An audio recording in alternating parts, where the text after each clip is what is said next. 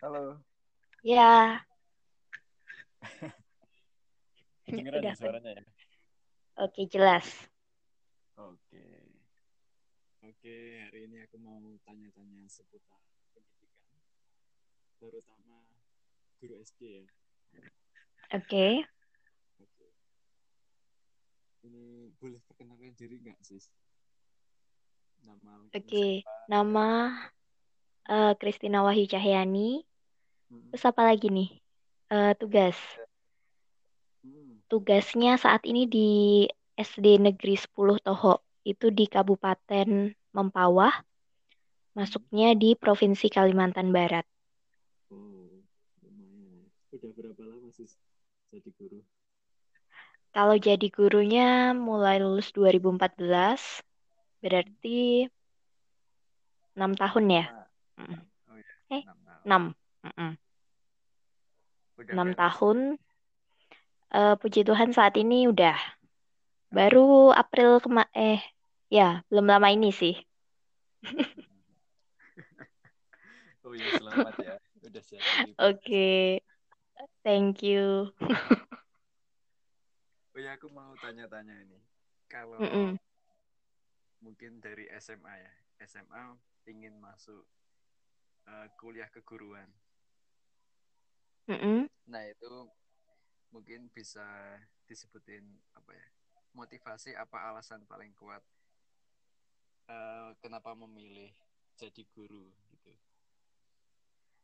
Oke, alasannya sih karena dulu pas SMP itu pernah ya kan ikut bimbel-bimbel gitu. Terus sih Mas tutornya ini pernah ngomong kalau eh, di dunia pendidikan sama kesehatan itu nggak akan pernah habis selama or- Hmm. orang itu perlu pendidikan, perlu belajar dan perlu sehat, maka lapangan pekerjaan untuk bidang pendidikan sama kesehatan itu akan terus dibutuhkan. Nah, Hmm. akhirnya waktu itu dibuka jurusan PGSD banyak banget. Hmm. Makanya pas itu mungkin juga faktor lingkungan juga. Hmm. Jadi akhirnya daftarlah di PGSD. Hmm. Padahal awalnya nggak yang tertarik langsung ke jurusan pendidikan yang untuk jenjang SD sih. Hmm. Lebih ke umum gitu. Cuma akhirnya karena melihat peluang, Hmm. ya udah akhirnya apply-nya ke PGSD. Hmm. Tapi basicnya emang seneng ngajar ya. Ya, mm-mm. Seneng ngajar. Oke. Oh ya, aku mau cerita sedikit. Aku juga Mm-mm. dulunya guru SD itu tahun Mm-mm. 2017 kemarin. Mm-mm, mm-mm, Basicku sastra Inggris yang eh, secara basic aja bukan pendidikan keguruan, mm-mm, tapi mm-mm. bisa jadi guru SD. Itu Wah, cuma keren-keren. ya, tapi aku cuma bertahan satu semester aja Mm-mm, mm-mm. karena aku nggak nemuin passion ternyata. Jadi Oh selama gitu. ngajar itu, iya. Jadi ngajar di sekolah formal, terus pulang Mm-mm, sekolah itu aku juga ngajar di bimbel. mm-mm, mm-mm. Nah itu. Nah dua-duanya jujur saja aku nggak bisa nemu passion, nggak nemu kesenangan lah. Itu dari aku sendiri. Yang kedua emang aku nggak ngelihat eh, masa depan di guru. Mm-mm, Soalnya ya itu mm-mm, tadi emang backgroundnya bukan pendidikan, terus mau mm-mm. mau nyari apa namanya sih insentif atau apa sih? Ya, mm-mm. Nah itu susah. Oh iya iya iya. Oke. Nah sekarang kan itu yang dari aku yang bukan keguruan ya basicnya. Nah Mm-mm, aku mm-mm, juga nemuin teman-temanku itu yang malah basicnya keguruan, PGSD juga, tapi dia mm-mm, nggak mau jadi guru SD. Mm-mm. Itu alasannya rata-rata gajinya kecil gitu.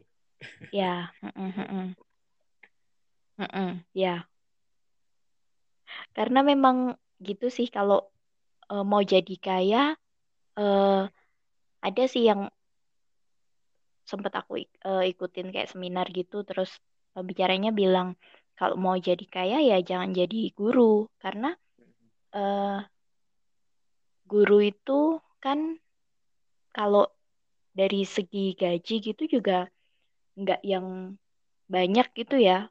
Sebuah profesi yang yang ndak mendapat gaji yang banyak gitu. Maksudnya ndak jadi kaya, langsung kaya kayak gitu. Hmm. Nggak eh mungkin kalau misalnya seorang itu mungkin berprofesi jadi guru terus dia kaya.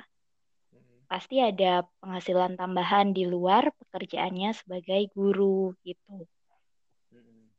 Makanya kenapa jadi guru itu eh, panggilan hidup. Jadi apa ya memang memang harus ada ketertarikan buat Hmm. ngajar kayak gitu. Hmm. Kalau yang awalnya tertarik tapi setelah dijalin ternyata di tengah-tengah itu wah kayaknya nggak cocok kayak pengalamanku kemarin sih. Gimana?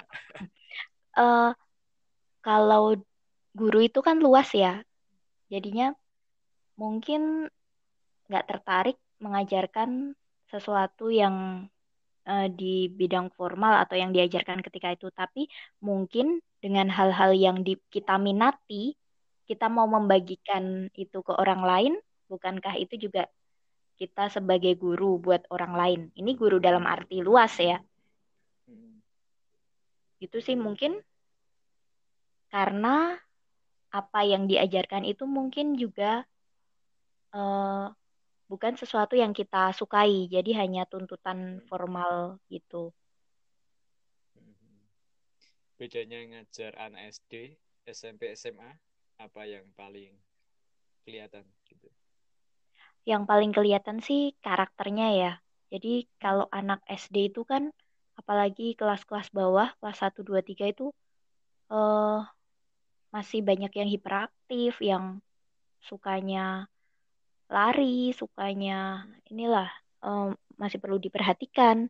Beda dengan di jenjang agak atas SMP SMA itu hmm, sudah mulai hmm, paling enggak bisa diajak untuk berdiskusi gitu kan. Hmm. Kalau untuk di SD ini pentingnya adalah penanaman karakter. Kalau di jenjang yang lebih tinggi agak sulit untuk menanamkan karakter karena itu sudah jadi kebiasaan mereka gitu. Nah, di SD ini eh, kita lebih mudah karena anak-anak itu lebih apa ya? Lebih nurut gitu.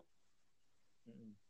Jadi mm, jenjang yang paling penting untuk mengajarkan karakter ke anak itu ya jenjang eh, SD tingkat dasar itu. Hmm. benar-benar oh ya aku dulu ngajarnya itu dari kelas 1 sampai kelas 6 jadi kelasnya paralel AB gitu jadi Mm-mm. total aku ngajar ada 12 kelas Mm-mm, dan mm-mm, tiap jenjang entah kelas Mm-mm. 1, kelas 2, kelas 3 itu aku nggak bisa nyamain apa ya metode ngajarnya mm-mm, kalau kelas 1 mungkin aku nyampein materi paling nggak nyampe lima mm-mm, ada yang lari-lari ke sana mm-mm. gitu. Ya, nah aku juga tanya sama beberapa teman yang bahkan udah ngajar dua tahun lebih lah dia pun mm-mm, sempat bilang bahkan sampai saat ini pun aku belum bisa nguasain kelas gitu. Nah itu mungkin ada tips and triknya cara ngajar yang baik yang bisa kondisiin kelas dengan bagus itu gimana sih. Eh, sampai saat ini pun aku masih eh, belajar ya kalau untuk memanajemen kelas, mengelola kelas. Mm-mm. Cuma yang pasti itu sebelum mengajar pas- pasti harus ada persiapan. Nah, persiapannya itu kita perlu memilih metode dan penggunaan media yang tepat Mm-mm. sesuai dengan materi yang akan diajarkan. Mm. Nah, kalau kita baru pertama kali masuk di kelas itu, tentu masih meraba-raba kan. Kita belum tahu karakter anak atau karakter kelas itu seperti apa. Nah, itu bisa kita dapatkan lewat mungkin observasi dulu. Apa? dirimu guru kelas apa guru mata pelajaran guru kelas. Guru kelas ya? Jadi setiap Ah. hari uh, ketemu dengan satu kelas itu. Hmm, Oke oke lanjut. Jadi uh, kalau belum pernah masuk ke kelas itu harus observasi dulu dan tanya-tanya dulu ke wali kelas itu yang sering ngajar setiap harinya. Hmm, Tuh, kalau udah sering ya kita bisa eh, lebih mengendalikan mereka sih dengan karakternya seperti apa. Oh, metode yang tepat itu seperti apa. Oh, harus medianya apa ya yang cocok dengan materi yang mau diajarkan.